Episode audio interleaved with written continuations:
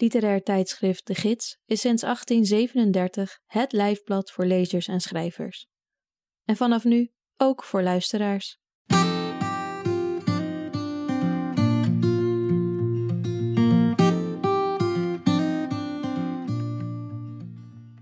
Je luistert naar Sprekende Letteren, een podcast van literair tijdschrift De Gids, met in elke aflevering een verhaal, essay of poëzie voorgelezen door de schrijver of dichter zelf. In deze aflevering hoor je Het middelste wezen krijgt het erg warm van Jutta Kallebout, dat eerder dit jaar werd gepubliceerd op DIG, het internettijdschrift van Stichting De Gids. In dit verhaal leeft een vrouw hoog in een toren, in haar flatgebouw, en bestudeert ze de schepsels die ze er s'nachts tegenkomt. Luister mee naar Jutta Kallebout.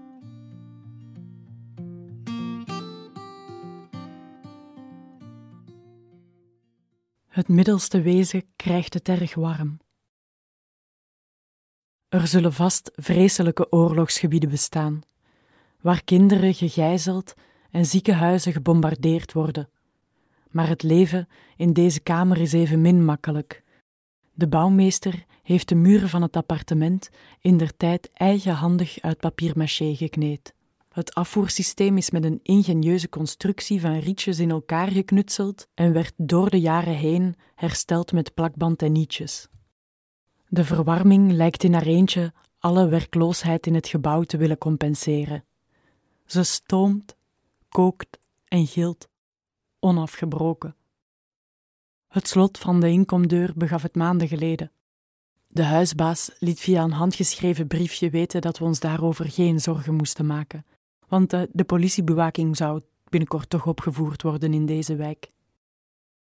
De vlooien springen hier tegen je schenen op, bedrijven de liefde voor je ogen, vermenigvuldigen zich exponentieel, nestelen zich in je eigen bed en weigeren nog steeds om hun deel van de huur te betalen. Daarnaast gaat ademhalen moeilijk in een kamer die je tweemaal per dag met insecticiden inspuit. Mijn kamer bevindt zich op de zesde en hoogste verdieping. Als ik s'nachts mijn hoofd uit het dakraam steek, moet ik opletten dat ik me niet aan de sterren stoot. Ik praat met de sterrenbeelden. Ik kan ze aaien, ze uit hun hemelbaan slaan, al naar gelang mijn gemoed. De grote meneer, het bokkenpootje, de eclair, de dalamander, de honderd en een salmasiërs, het roze vrouwtje, Amy Winehouse en de kleine beer. Ik ken ze allemaal. Persoonlijk. Als de nacht is gevallen, kan ik de sterren van dichtbij inspecteren.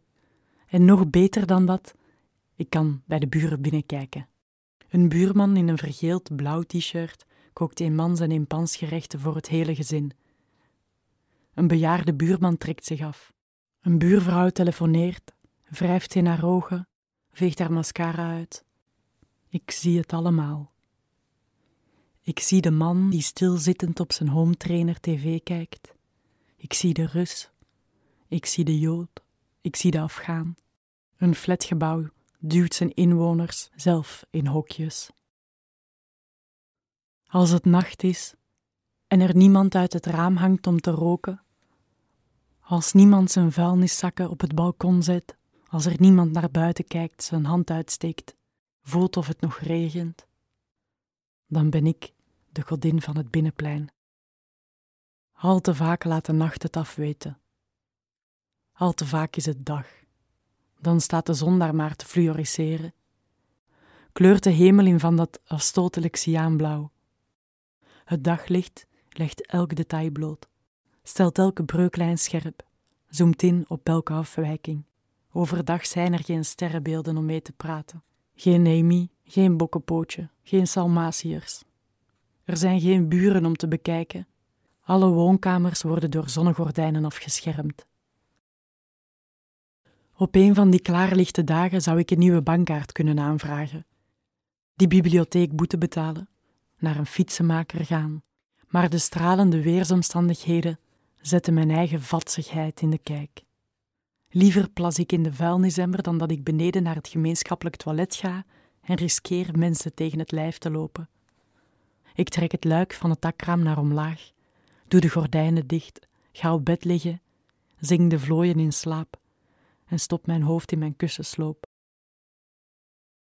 Het was op zo'n soort onuitstaanbaar heldere dag dat het eerste schepsel zich met zijn klauwen naar buiten werkte, mijn lichaam uit. Mijn gedachten waren opgezwollen. Mijn schedel was te klein geworden, mijn hoofd kraakte toen ik van de zevenmazelige zwerfhond beviel. Het beest blafte zich mijn kamer binnen, kwijlde mijn lakens onder, likte het zweet van mijn nek.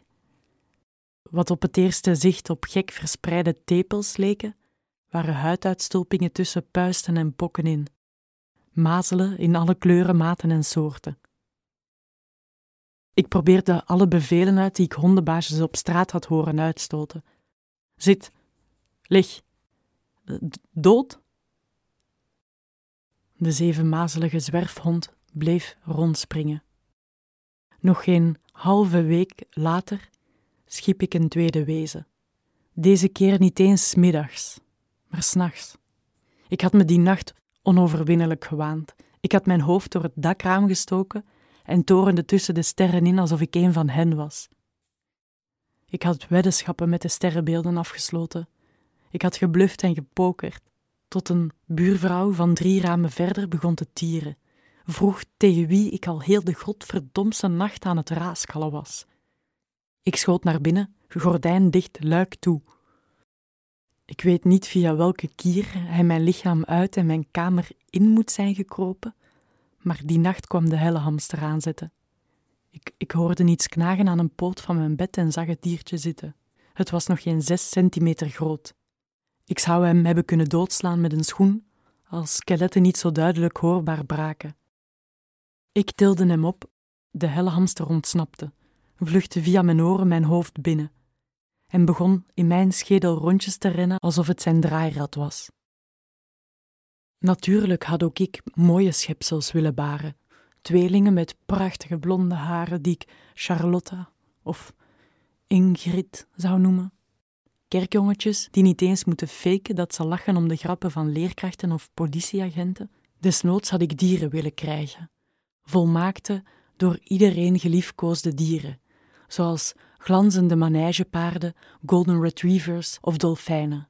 Maar helaas, diezelfde nacht nog beviel ik van een adelaar. Hij leek meer op een stadsduif, maar volgens zijn papieren was hij wel degelijk wat hij zei. Hij vloog meteen uit. Dacht dat ik van hem af was, maar op de meest onbewaakte momenten, zeldzame minuten, waarin ik bijna zorgeloos dreigde te worden, kwam hij op de dakgoot zitten. Dan dikte hij zijn snavel onophoudelijk tegen het raam en leek het alsof hij mijn slapen doorprikte alsof hij in morsen een boodschap overbracht naar de helle hamster in mijn hoofd. De bevallingen volgden elkaar in snel tempo op. Ik had geen tijd om doopsuiker nog geboortekaartjes te bestellen. Er was de Sudoku-sphinx, die mijn hoofdkussen in beslag nam. Hij was de ergerlijkste van al. Hij had de stem van een treinconducteur, die enkel in het vak zit omdat zijn eigenlijke dromen van sociaal onaanvaardbare aard zijn. Telkens wanneer ik zou indommelen, begon de Sudoku-sphinx te spreken. Vroeg hij hulp voor zijn Sudokus of maande hij me aan om er zelf ook eens een in te vullen. Er was de rat die nooit met twee woorden sprak, ongewenst om evidente redenen. De meeuw van Linnea, die maar bleef krijsen ver boven de toegelaten decibelnormen.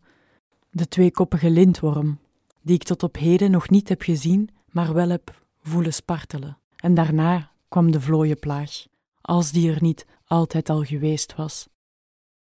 Ik heb ze zelf geschapen, mijn misbaksels. Ik heb de gedroogte verknipt en weer in elkaar geflanst. Ik heb ze laten tieren. Hun bestaan valt niemand anders te verwijten.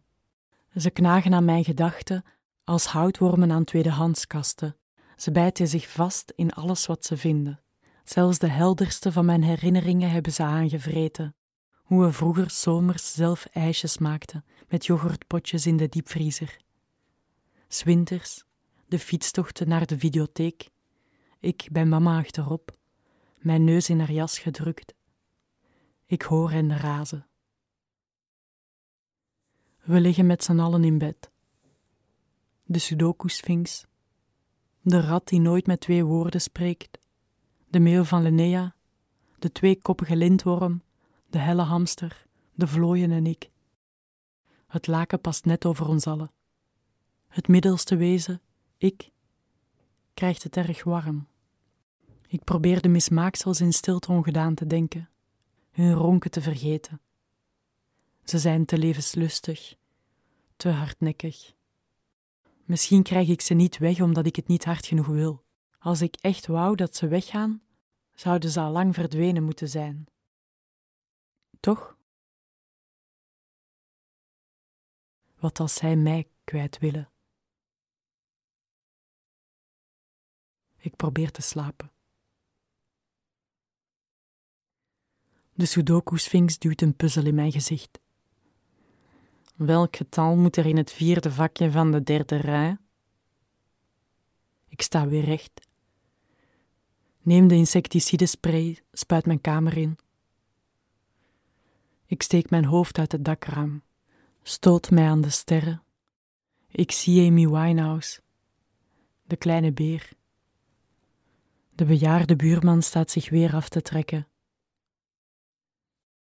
Ik vraag me af hoe het binnenplein er vanaf de overkant uitziet. Wie zichtbaar wordt als het nacht is? De Roemeen, de Zotin, de monsters.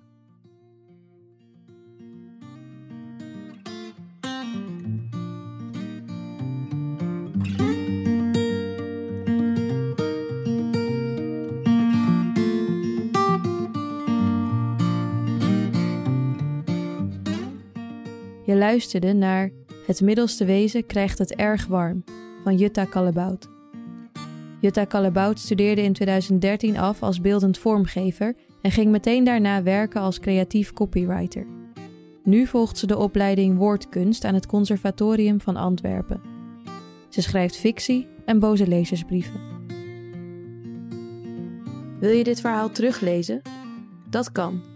Alle bijdragen van DIG zijn terug te lezen op onze website www.de-gids.nl/dig.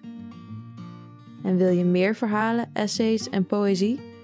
Abonnee worden van de gids kan al voor 20 euro per jaar.